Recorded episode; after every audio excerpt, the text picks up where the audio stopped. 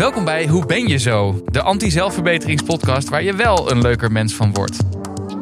Wij zijn Lennart en Thijs, allebei psycholoog, dikke vrienden en allebei gefascineerd door persoonlijkheidsverschillen. We geloven erin dat je jezelf niet hoeft te verbeteren, maar dat kennis over psychologie wel kan helpen om jezelf te accepteren en anderen beter te begrijpen. Meer snappen over hoe je in elkaar zit maakt je leven een stuk leuker. In Hoe ben je zo onderzoeken we wat verschillen zijn tussen persoonlijkheidstypes en geven we je handvatten om goed met je eigen persoonlijkheid en die van anderen om te gaan. Yes, en vandaag gaan we het hebben over werkpaarden versus showpaarden. In ieder geval conscientieusheid. Dus waarom is de een niet vooruit te branden op het werk en gaat de ander maar door? En waarom kan de een best behoorlijk relaxen terwijl het huis een teringbende is en raakt de ander in de stress als de tijdschriften niet helemaal zijn afgestoft? Oftewel, conscientieusheid. Ja, en zoals elke keer, ehm, de uitgangspunten van wat we gaan doen is dat het een niet beter is dan het ander. We gaan de twee extreme behandelen, maar de meeste mensen zitten daar natuurlijk ergens tussenin. En eh, hou in je achterhoofd, je kunt jezelf niet helemaal veranderen, maar misschien wel wat andere vaardigheden aanleren. En zo is dat. Maar eerst een Post. post weer. Post. Duivenpost. Duif- Alweer. Digitale, druk. digitale post. Oh, Ja. is digitaal. Oké. Nee, ehm, dus er is, er is een vraag van iemand. Het is superleuk als jullie vragen toesturen, want dat eh, proberen we dan ook een beetje te behandelen. Dus hier is een vraag. Kan je als extravert iemand geboren zijn, maar doordat je onzeker bent en je hebt meegekregen dat al dat extraverte gedrag niet wenselijk is, je daardoor meer introvert overkomt? Hele goede vraag, Ja, denk ik, van deze vraagsteller. We hebben ook een naam van deze vraagsteller, of niet? en dan moet ik even zoeken. Oké. Bodine. Bodine. Hallo Bodine. Hallo. Bedankt voor de Ehm, vraag. Ja, hele goede vraag. Oké, dus de vraag is: kun je als extravert geboren zijn, maar ehm, toch eh, eh, door onzekerheid en door, door in situaties te zitten waarin je extraverte gedrag niet gewenst is, ehm, toch wat introverter worden?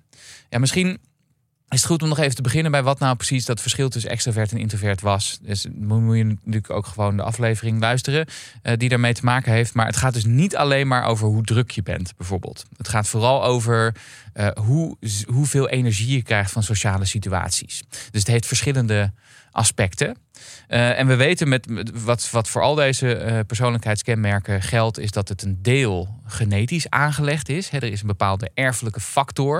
Maar het heeft ook te maken met de omstandigheden waarin je opgroeit en wie je ouders zijn en hoe je, wat je hebt geleerd op een jonge, jonge leeftijd. Dus dat heeft er ook mee te maken. Maar je, hebt de, je wordt dus geboren met bepaalde basisinstellingen, is altijd onze veronderstelling. Mhm.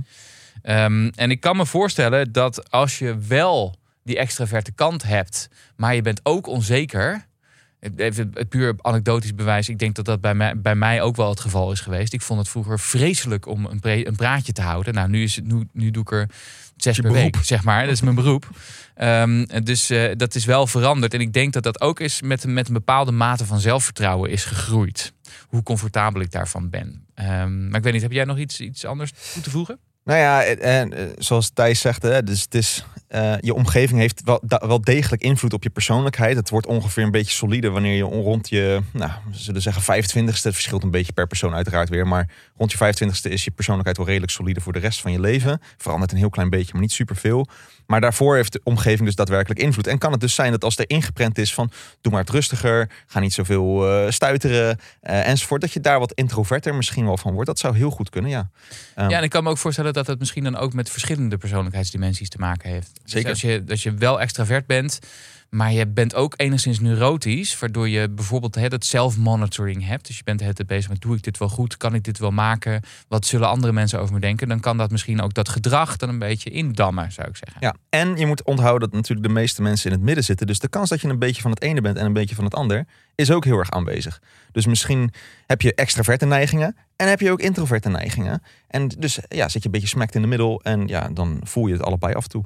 Ja, en deze persoonlijkheidstrekken zijn dus vooral neigingen. En je kunt dus ook bepaalde sociale situaties hebben waarin je juist op een andere manier bent, omdat de sociale situatie dat van je verlangt, zeg maar. Dus dat heeft ook nog eens invloed. Dus ik kan me best voorstellen dat, zoals deze vraagsteller zegt, als je wat extraverter bent aangelegd, maar je bent ook. Je komt in situaties waar je wat zelfbewuster bent, of dat je niet zo goed weet wat je kan maken, eh, dat dat ook dus wel wat, wat effect heeft daarop. Ja, dus Het is complex, maar ja, het kan. Mooie vraag in ieder geval. Yes, nou gaan we naar We hebben hem conscientieusheid. geprobeerd heel goed te beantwoorden. En dat zegt dan iets over de volgende persoonlijkheid. Namelijk conscientieusheid. Ehm, eh, Oké, dus we gaan het hebben over conscientieusheid. En eh, misschien een, een interessante om mij te beginnen. Hoe opgeruimd is jouw huis, Lennart? Mijn huis is mega opgeruimd, Oh. Maar niet door mij. En dat komt zeker niet door mij. Dus ik, ik maak er een pleurisbende van. Ehm, en eh, ik heb een hele lieve vrouw die daar eh, wat scherper op is. En daar ga ik wel in mee, dus ik help wel. Ik doe, het is niet dat zij het allemaal doet, maar als het aan mij zou liggen, dan komen de stapels wasgoed tot aan mijn knieën. Hm. En eh, bij haar is het al weg voordat ik er erging heb dat er überhaupt was op de grond ligt. zeg maar. dus, en dat helpt. En, nou, goed, en ik ga er ook wel mee. Dus ik maak het zelf ook steeds opgeruimd. Dus ik merk dat ik ook wel beïnvloed word door haar. Ja. Eh, maar nee. En hoe is dat bij jou? Min of meer hetzelfde. ik, ehm, ik kan, eh, ja, dus dat zullen het ook nog straks, want dit is nou de persoonlijkheidstrek die verklaart waarom je altijd ruzie krijgt eh, over de afwas. Straks daarover meer, maar je hebt dus altijd een van de twee partners die wat gevoeliger is voor rotzooi en bende en troep. Ehm, en ik, ja, ik moet ook zeggen dat ik niet degene van de partners ben die dat is. Ehm, dus, eh, dus mijn vriendin eh, Linde, die, ehm, die heeft het altijd. Die heeft net even iets eerder last van de troep. Dus het is niet zo dat het, dat het onwil is, maar zij ziet het gewoon net. Zij heeft, het, Ja. zij heeft er net iets sneller last van. Dus zij is meestal degene dan in praktijk die toch degene is die het meeste opruimwerk doet. Precies. Nou ja, dus we hebben het over conscientieusheid. Ja. Dat, dat alleen al is best een lastig woord. Alleen, eh, dus als je, ik denk dat als je conscientieus bent, dat je dan weet hoe je dat moet spellen. Ja, precies. Ja, Dat ja, zegt ja. eigenlijk een beetje alles. Maar je moet een beetje denken dat het dus gaat over zorgvuldig zijn, nauwkeurig zijn. En dit is een heel leuk woord, scrupuleus zijn. Ja. Fantastisch woord. Gewetensvol en betrouwbaar. Ehm, Ik weet niet of dat scrupuleus het nou gaat oplossen voor mensen. Dat denken, weet ik oh, nou niet. snap ik wel wat je bedoelt. nee, Ja. maar ik vond het gewoon een leuk woord om erin te gooien. Synoniemen.net, woehoe. Ja, precies. Dus het gaat over ordel, het, hè, dus het gaat over twee verschillende kanten. Enerzijds ordelijkheid en anderzijds industriousness of hardwerkigheid. Ja. Hardwerkendheid of bedrijvigheid. eigenlijk, hè? Werkdrift. Werk, arbeidsethos. Werk, werklust misschien ook wel. Ja. En ik, wat ik altijd bij, bij eh, conscientieusheid in mijn hoofd hou is... je kunt heel, veel, heel goed het verschil tussen conscientieuze mensen... en niet-conscientieuze mensen zien op vakantie. Want niet-conscientieuze mensen die denken dan... Hé, hé, eindelijk rust, ik hoef even niks... en ik ga eh, met de beentjes omhoog. En conscientieuze mensen... Zoals ik, kan ik, je, eh, kan ik je eh, alvast verklappen. Conscientieuze mensen hebben dan de neiging om The Lonely Planet te gaan uitspelen. Ik wil alles zien, overal bij zijn en dan ook nog lijstjes te gaan afwerken. Oh ja, nee, dat is wel het moment dat ik ook nog even drie boeken moet lezen. En hè, dus die werkdrift komt er dan uit, maar dan op een andere manier op vakantie. Dat is duidelijk. Ja. Dus als je conscientieus bent en dan, nou, dan ben je opgeruimd, hou je van orde en structuur en regelmaat. Vind je hard werken dus ook leuk. Ben je een beetje pietje precies, dus je komt op tijd en je hebt oog voor detail. Eh, je bent wat gedisciplineerder. Eh, daar hou je ook wat meer van, van regels en protocollen en dus strakke afspraken. Je bent niet echt in het nu, maar eigenlijk altijd dat vooruit aan het plannen van wat er allemaal moet gebeuren. Hè? Die Lonely Planet afwerken, zoals je net zei. Maar je kan dus ook heel goed focussen. Eh, en je hebt een hogere walgingssensitiviteit. Oké. Ja. Gaan we erover hebben. Eh, en niet conscientieus, dus de andere kant. Is er eigenlijk een woord voor niet conscientieus dan? Ja, Nee, niet hè? conscientieus. Conscientieus, precies. Ja. Dus dat die andere kant ook een naam heeft. Er wordt wel eens een beetje naar luiheid genoemd, eh, wordt er wel eens gezegd, maar ik vind dat niet een hele, hele correcte. Nou, Het, het is wel een beetje luiig, maar niet volledig. Zeg. Lekker dan. Oké, niet conscientieuze kant. Als je, hè, dus dan ben je waarschijnlijk iets slordiger. Ehm, eh, ben je wel eens dingen kwijt? Is het wel eens een chaos om je heen? Vergeet je soms wel afspraken? Ehm, prioriteiten stellen gaat niet altijd even makkelijk. Ehm, eh, discipline is misschien iets waar je wat, wat meer moeite mee hebt. Wil je graag misschien juist tijd voor spontane dingen? En de, de, types die horen dit denk spontane, spontane dingen, wat zijn dat? Wil je daar graag wat meer tijd voor? Ehm, vind je rommel en chaos best, eh, best prima om je heen? Ehm, leef je veel al in het nu en niet zozeer in je to-do-list? Eh, stel je misschien dingen wat sneller uit? Vind je het niet zo erg om tijd te verspillen? Ehm, ben je misschien wat sneller afgeleid? En ben je wat rebelser of wat anarchistischer? Ja, jou niet zo van hiërarchie en regels. Nee, nee, precies. Dus misschien ook, eh, we zeiden het net al, dus, dus een onderscheid tussen ordelijkheid en dat werkdriftstuk. Ja, misschien En dat moeten we bij dat, bij dat eerste beginnen bij werkdrift. Ja, doe maar. Ehm, dus dat is eh, eh, nou ja, eigenlijk letterlijk in hoeverre je vanuit jezelf gedreven bent om dingen voor elkaar te krijgen. Om je to-do-lijstje af te werken. Ehm, in, en ook wel, denk ik, in hoeverre je jezelf kunt motiveren om uit jezelf dingen te gaan doen. Mhm. Moet ik het zo samenvatten? Mhm, mhm. Eh, dat is dan ook wel weer een soort voorspeller, hè, weten we. Dat als je daar heel hoog op scoort, dat dat wel een voorspeller is voor, ehm, nou ja, om het heel breed te zeggen, levenssucces. Yes. En ook wel logisch, want conscientieuzere types die dus meer vanuit zichzelf zich kunnen hè, dus, Motiveren om te werken. om te werken. Die zullen gewoon wat, misschien wat, wat sneller vanuit zichzelf hun best doen om hoge cijfers te halen, om eh, to do the work. Ehm, eh, Ze zullen minder snel stoppen. Hè? Dus er zit, er zit heel veel discipline in. Dus Ja. ze stoppen ook gewoon minder snel. Gaan langer door. Willen gewoon doorknallen. Ja, ja, precies. Dus ik, dus, om nog maar eens te refereren aan de tijd dat ik eh, op de universiteit werkte als docent, dan, had je, dan zag je dit in groepjes. Als je dan studenten in groepjes ging opdelen om een groepsopdracht te doen, had je hele duidelijke verschillen tussen conscientieuzere types en minder conscientieuzere types. En die conscientieuzere types deden alles. Ja. En de niet-conscientieuze types die kwamen dan even binnenlopen en zeiden: Oh ja, maar ik heb, het, ik- ja, ik heb ook wat gedaan, want ik heb het lettertype in de PowerPoint veranderd. Ehm, dus, dat- ja, dus die zijn weer de social loafers, noem je dat. Hè? Die liften mee op het, op het eh, Succes van de ander. werkdrift van Ja, de conscientieuzere types. Ja, duidelijk. Ja. duidelijk. Hey, eh, quiet quitting is ook zo'n Ja. woordje wat natuurlijk tegenwoordig lekker in eh hot is. ja, dus de trend is nu, en dat is een beetje in, de, hè, dus in, in, het, in het werk, dat mensen, ehm, en dat noem je dan quiet quitting, zonder dat ze daadwerkelijk ontslag nemen, zich voornemen om dan gewoon alleen het hoogst noodzakelijke te, te doen. Ehm, eh, en eh, hè, dus, dus, dus niet meer je best te doen om over te werken of extra doelen te halen of je mailbox bij te houden tot in de puntjes, maar gewoon alleen het hoogst noodzakelijke te doen, zonder dat je op je, op je falie krijgt van je baas, zeg maar. Hè? En de niet-conscientieuzere types die horen dit en die denken, ja, maar dat doe ik al jaren. en dat is misschien ook wel het verschil tussen die twee. Dus dat, eh, en je kunt je natuurlijk afvragen, om, eh, en we kregen ook van, van, van iemand nog de vraag van hoe zit het dan met, eh, eh, met perfectionisme? Nou, je kunt, je kunt je voorstellen dat je misschien ook te conscientieus kunt zijn. En dan ga je gewoon de hele tijd tot het gaatje. En dan mis je juist die kant van, die gewoon zegt: Oh, je moet af en toe een beetje eh, even ontspannen ook. En niet met werk bezig zijn.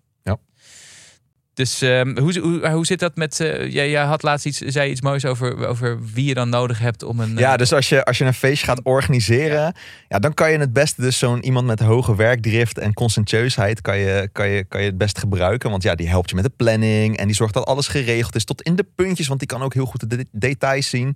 Ehm, maar eh, hele conscientieuze mensen, die zijn iets minder gezellig dan niet-conscientieuze mensen. De niet-conscientieuze mensen, die zijn eigenlijk het leukst om het feestje te hebben. Dus als je dan daadwerkelijk het feestje hebt, dan moet je heel veel niet-conscientieuze mensen hebben. Want Ja. die, die gaan dan lekker los. Die vinden het allemaal prima. Die zijn ook lekker in het nu. Die denken niet aan de toekomst. Want ja, die conscientieuze persoon die zit nog steeds te denken... oh, maar hierna komt de DJ en dan moeten we dat geregeld hebben. En, oh, oh, oh. en ja. En morgen moet ik nog die en die taken doen. Oh ja.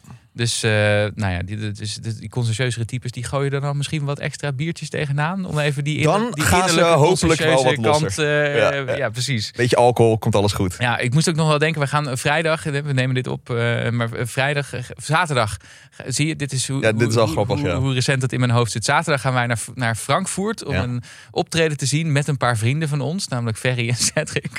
En ik dacht al, ja, gewoon deze als, als experiment. Kijk, we hebben dat ooit een keer besloten, een paar maanden geleden. En dan nu, nou, zaterdag komt steeds dichterbij. Ik dacht, nou, we eens kijken.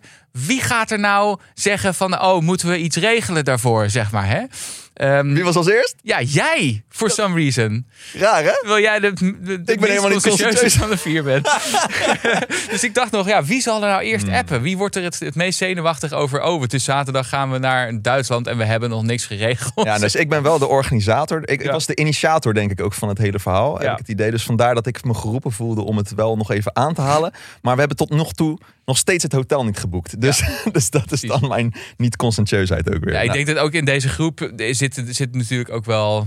het- De conscientieusheid verschilt, denk ik wel. Als we een echte conscientieuze en meer werkdriftige type, eh, type erin hadden, gezit, ha- hadden zitten, dan was hij een maand geleden al gezegd: Oh, we moeten wel even nadenken over wie, wie- wanneer we daar naartoe moeten, zeg maar. ja, precies. Ehm, Goed. de andere kant, ordelijkheid. Ordelijkheid. Ja. Ja, dat is dus echt gewoon letterlijk over hoe, hoeveel chaos je om je heen prettig vindt. Hoe, hoe graag je wil dat het om je heen opgeruimd is. Als je hoog scoort op ordelijkheid, dan wil je gewoon graag dat het netjes is om je heen. En dan hou je niet zo van chaos. En als je wat lager scoort op ordelijkheid, dan kun je best wat chaos om je heen hebben. En dit is dus, dames en heren, de reden dat je altijd ruzie krijgt over de afwas. Want in een relatie met elkaar heb je bijna altijd zo dat er toch, eh, het kan een heel klein verschil zijn, maar er zit een verschil in conscientieusheid en in ordelijkheid tussen partners. Wat dus betekent dat het is geen onwil van de minder ordelijke partner. Maar de, de, degene die net even wat ordelijker is aangelegd, die zal eerder merken dat het gewoon rommelig is. Dat de afwas moet worden gedaan.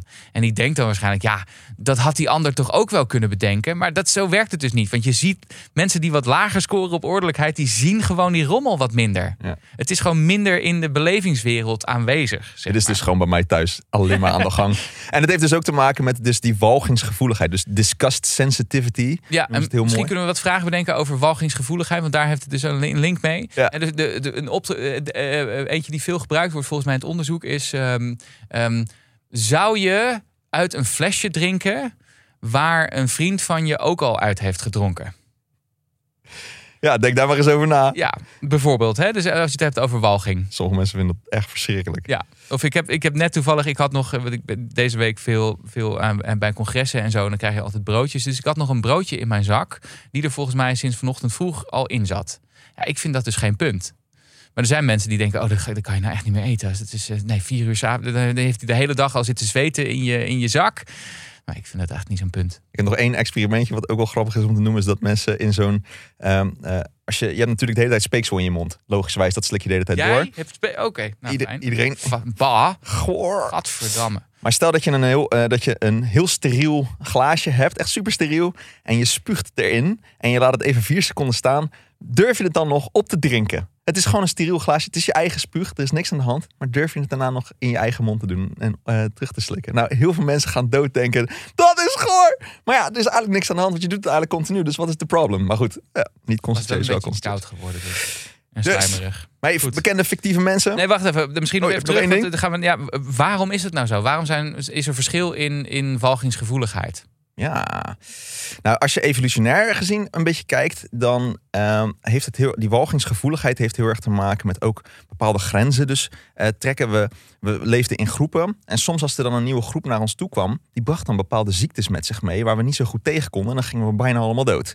Eh, en daar hebben we een soort defensiemechanisme voor ja, eh, opgeroepen. Misschien ook eh, tegenover bijvoorbeeld vies eten natuurlijk. Hè? Want sommige dingen waren giftig. Nou, dan kan je daar maar beter van walgen. Dan ga je dat niet meer nog een keer eten. Word je niet meer zo ziek van. Dus daar is het heel erg belangrijk voor dat we een bepaalde mate van walging voelen. Om onszelf te beschermen. Ja, er zit een, een, een, een evolutionaire drive in walging. En dat is als je, als je, hè, dus als je walgingsgevoelig bent, dan blijf je uit de buurt van dingen die heel vies zijn. Van uitwerpselen, van, van lichaamsappen. Daar blijf je heel ver van. En dan word je dus ook minder snel ziek. En dat is eigenlijk heel voor de evolutionair voordelig. Exactly. Ja,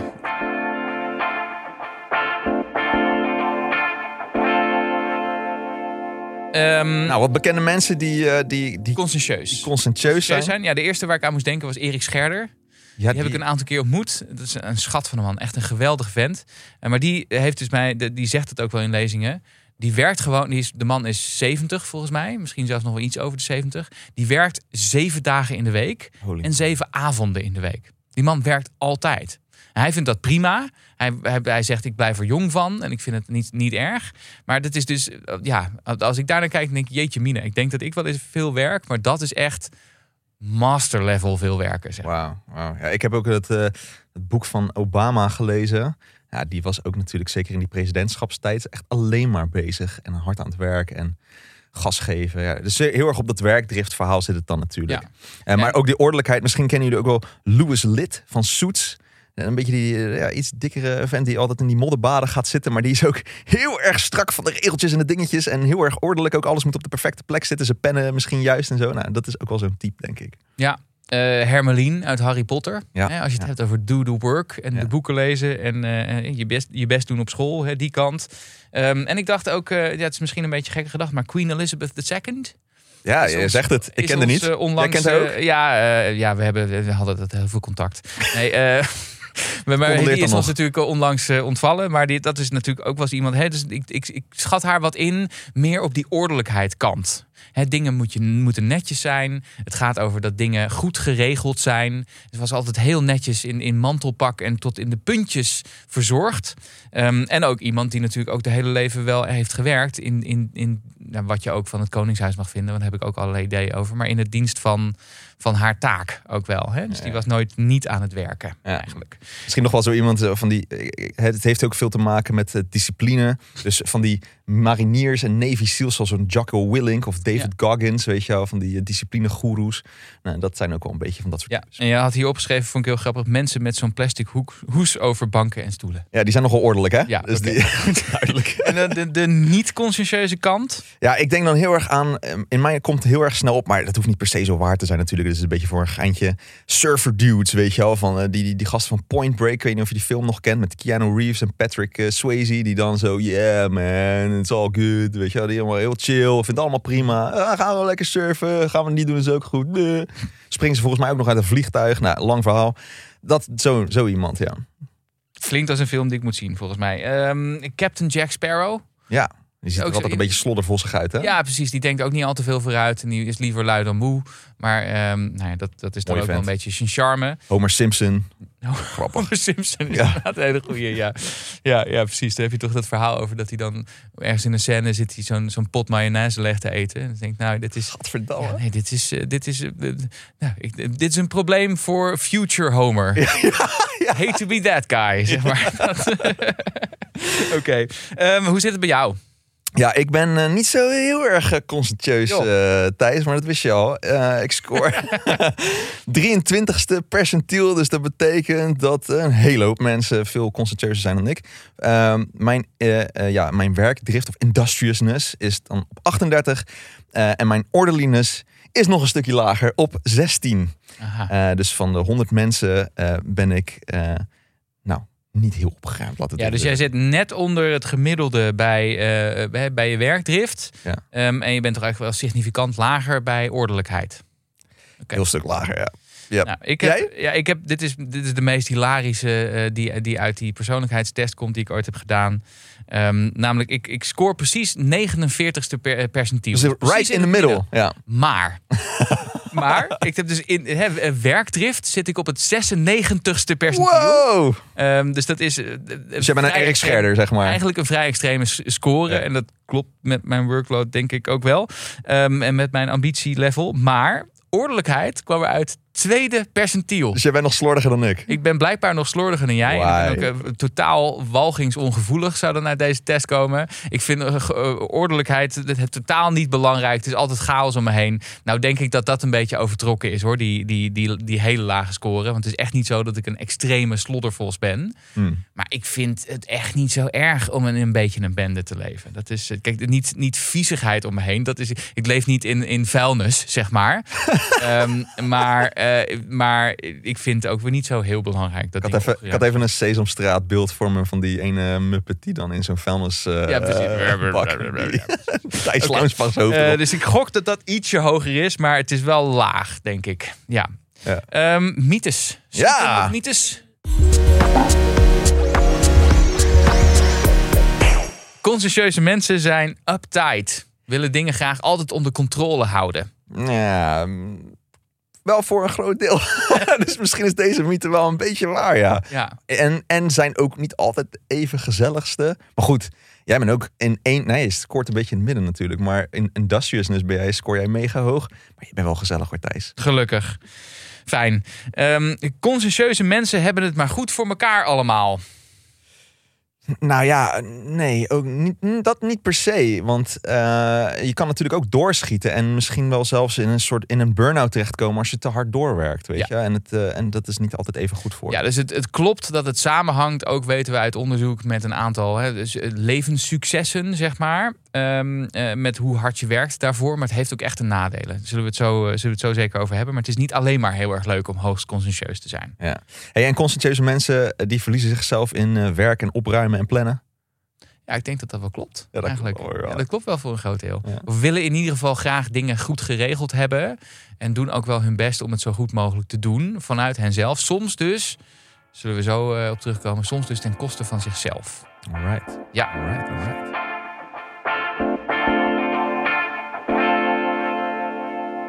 Oké, ja, wat moeten we, wat moeten we hier nou mee? Nou, Wat wat, moeten we ermee? ja, dus wat goed is om te weten, dat in, je, in het dagelijks leven is conscientieusheid een hele goede voorspeller. Ja. Voor, je zei het net al, voor een soort levenssucces, maar eh, we zien het ook voornamelijk in de studies op schoolprestatie en werkprestatie. Ja.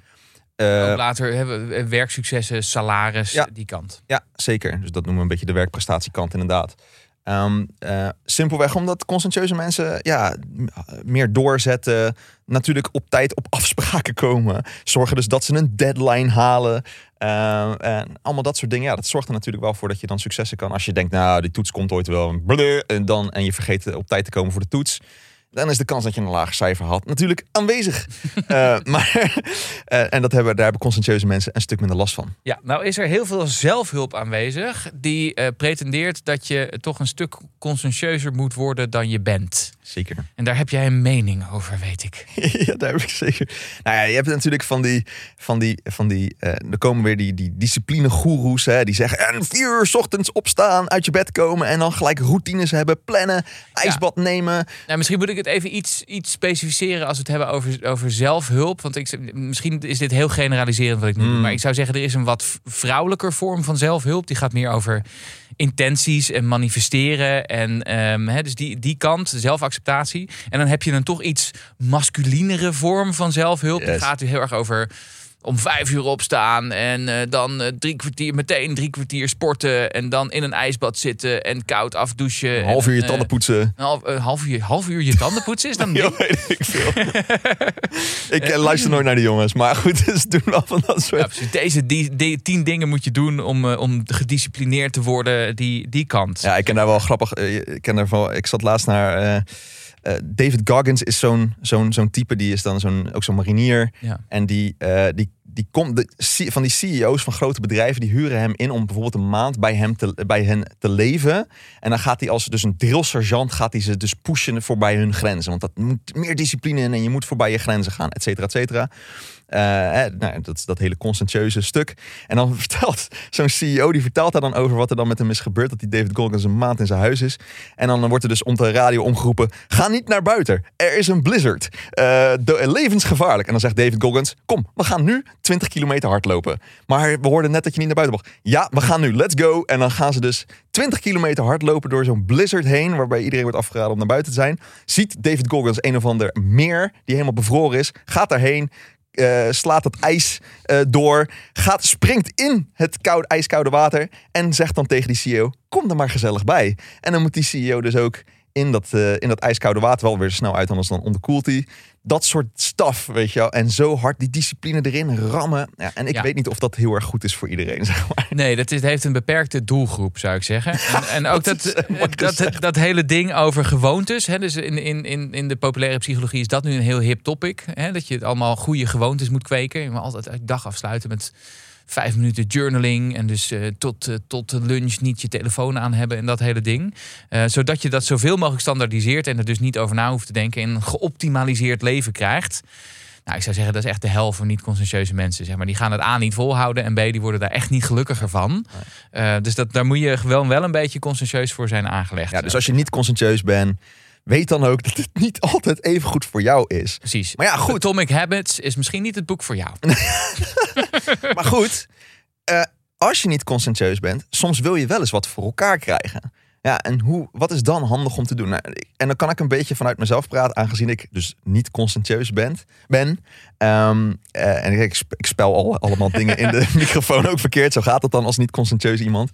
Eh, maar hoe krijg ik dan alsnog? Want ik heb, nou ja, even opschepperig, wel twee boeken geschreven. Hoe de hel krijg ik dat dan voor elkaar als niet conscientieus iemand? En daar sta ik zelf ook nog wel eens van versteld dat ik dat überhaupt heb gedaan. Een uitgever. Nou, dat bijvoorbeeld. Dus serieus, als je gebruikt dan andere mensen die jou helpen om je te pushen, dat kan echt wel helpen. Dus dan is zo'n David Goggins type, maar niet zo overdreven alsjeblieft, toch wel ergens handig. Maar ik ga me er op een gegeven moment wel tegen afzetten. Maar wat ook helpt, ik je, play to your strengths. Want je hebt natuurlijk ook andere persoonlijkheidstrekken. Gebruik die ook. Dus als je wat hoger scoort op agreeableness, dan heb je ook graag, de, eh, dat gaan we nog behandelen, maar dan heb je graag de neiging om iemand te helpen. Als je het vanuit een soort van hulpgedrevenheid doet, dan is het ook makkelijker om dingen daadwerkelijk te doen. Waarom was ik de eerste die ging appen? is omdat ik wilde helpen dat het een leuke trip werd. Ja. Niet zozeer omdat ik nou zin had om het te plannen, maar ik wil gewoon dat het, ik wil dat het gezellig is en leuk wordt. Nou, dan ga ik, en dan ga ik wat doen. Ja, en misschien ook wel met deze podcast. Hè? Dus de reden dat we nu deze podcast maken en dat die ook uitkomt op het moment dat we hadden voorspeld dat die uit zou komen, zeg maar, is omdat er een heel team omheen is. Uh, en we zijn bezig met deadlines, met draaiboeken. En uh, er zijn ook een paar mensen die ons achter, achter onze vodden aan uh, Heel nuttig. zitten. Dank jullie wel. Ook wel fijn. Hè, dus dat is, zo kun je dus toch als iets minder conscientieus iemand, kun je dan toch zorgen dat je door sociale druk of, of dat je het samen doet, toch dingen bereikt. Dus die kun je ook bewust inzetten. Psychologisch contractje trouwens is ook nog wel een nuttige. Dus tegen je omgeving gaan zeggen dat je iets gaat doen. Dus ik ga nu, ik ga een boek schrijven of ik ga afvallen of iets. Dat helpt als je dat tegen je omgeving vertelt. Uh, want dan voel je ook een beetje de druk van hun dat je het mm. waar moet maken. Ja, maar Wat vind jij daarvan? Nou, daar is jij vindt er niks de, van? De literatuur is daar verdeeld over. Want ook als je zegt, ik ga dit doel behalen, dan zegt iedereen, oh wat goed van je. En dan heb je de beloning eigenlijk al binnen. En dan ben je dus minder, minder Dat is wel waar. Dus je moet wel mensen hebben die je een beetje pushen dan nog steeds. Misschien. Ja, precies. Die zeggen, ik ga pas zeggen wat goed voor je als, we, als het ook daadwerkelijk gebeurd is. Goeie toevoeging. Um, uh, misschien dan even de andere kant nog. Hebben ze, ja. zeiden, er is ook echt, echt wel een risico aan te conscientieus zijn. En dat is namelijk dat je jezelf volledig over de kop werkt. Um, en dat is best wel, je kunt je voorstellen dat mensen die vanuit zichzelf altijd werkdriftig zijn. Dus ook die mensen die dan op vakantie proberen de Lonely Planet uit te spelen. Um, dat die dus wel eens zichzelf verliezen. Of ook he, niet doorhebben dat hun lichaam ook wel eens wat rust nodig heeft, zeg maar. En hun hoofd trouwens ook. Dus dat is, dat, dat is wel echt een gevaar voor conscientieuzere mensen. Dus, Hoe ga je daar nog mee om? Nou, door. Uh, nou, ik kan daar vanuit zeg maar, iemand die dus die werkdrift vrij, vrij hoog heeft, denk ik wel op reageren. Bijvoorbeeld door te snappen dat zelfzorg ook onderdeel is van, van uh, het onderhoud. Dus dat dat ook gewoon werk is. Dus als ik niet uitkijk, dan gooi ik mijn hele agenda vol met interessante, maar toch uh, best wel veel werkdingen, zeg maar. Terwijl ik weet, ik moet ook ruimte maken voor sporten, want anders krijg ik gewoon minder voor elkaar. Plan je dat in? Ja, ja, dus ik plan echt een week van tevoren al in wanneer ik ga sporten. Want dan weet ik dat ik in ieder geval daar tijd voor neem. Dus dat het niet verdwijnt. En zo, zo conscientieus ben ik dan ook wel dat het me nog lukt dan ook. Zeg ja, ja, ja, dus je gebruikt je conscientieuze vaardigheden, zeg maar, om in te plannen dat je even chill-out ja. doet. En, oké. Ja, ja, precies. Heb je zelfs dan ingepland als je gaat Netflix of is het niet zo extreem? Nee, dat is, nee zo, extreem, extreem is het ook weer niet. Maar ik weet dat ik wel gewoon echt wat, wat, wat zelfzorgtijd moet inplannen. En dat is de enige manier waarop ik het ook op de lange termijn volhouden. Want anders werk ik me gewoon over de kop. Um, en een andere is, ja, weet je, het is ook wel verstandig om af en toe een beetje niet met werk bezig te zijn. En to let your hair down once in a while. Weet je, dus af en toe even um, stoppen met dingen regelen en to-do-lijstjes doen en echt even um, wat rust nemen of juist iets speels gaan doen, iets leuks gaan doen. Want dat schiet er, kan ik je uit ervaring vertellen, nog wel eens bij in. Um, en een andere is denk ik ook dat als je zelf heel conscientieus bent aangelegd en je weet dat van jezelf, is het ook goed om te weten van andere mensen dat ze misschien dat wat minder zijn. Dus jij vindt het in het team misschien wel belangrijk dat iedereen er om negen uur ochtends stipt is. Maar het zou wel eens kunnen dat andere mensen dat toch daar een andere norm over hanteren. En dat je daar, als je daar te gefrustreerd over raakt, is dat ook niet zo handig. Manjana, manjana. Manjana, manjana. Um, en dus snappen dat andere mensen dat ook op een andere manier ervaren dan jij. Mooi. We ja. gaan uh, lekker afronden. Nou, wat hebben we allemaal over onszelf geleerd? Als je iets over jezelf hebt geleerd, vinden we altijd leuk dat je dat uh, ons laat weten. Doe dat via de social media kanalen natuurlijk. Instagram kon je ons vinden onder uh, de naam Hoe ben je zo podcast. En ook op TikTok uh, hoe ben je zo podcast. Uh, stuur wat vragen, comment op dingen. Altijd leuk. Ja. Ik heel benieuwd wat jij uh, leert over jezelf. Dat, dat willen we graag weten. En wat we ook graag willen is dat je je abonneert. En ehm, het conscientieus als je bent als luisteraar. Gewoon snel even nu naar die, naar die abonnementding gaan. En ons ook even een paar sterren geven. Dat vinden we altijd leuk. Vijf hè? Niet een vijf, paar. Een paar. Vijf, vijf. minstens vijf. Um, en onthoud, nee, je hoeft jezelf niet te verbeteren. Een leuker leven begint bij meer begrip en acceptatie. En bij het idee opgeven dat je anders moet zijn dan je eigenlijk al bent. En dat geldt voor showponies, maar ook voor werkbaar.